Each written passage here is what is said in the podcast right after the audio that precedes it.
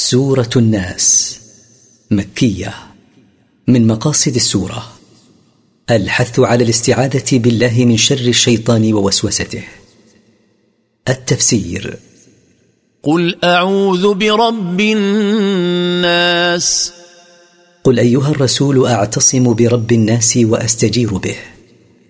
ملك الناس ملك الناس يتصرف فيهم بما يشاء لا ملك لهم غيره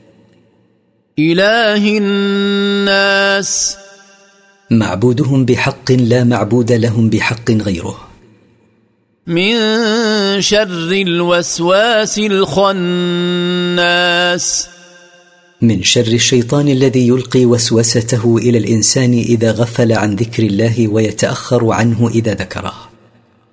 الذي يوسوس في صدور الناس يلقي بوسوسته الى قلوب الناس من الجنه والناس وهو يكون من الانس كما يكون من الجن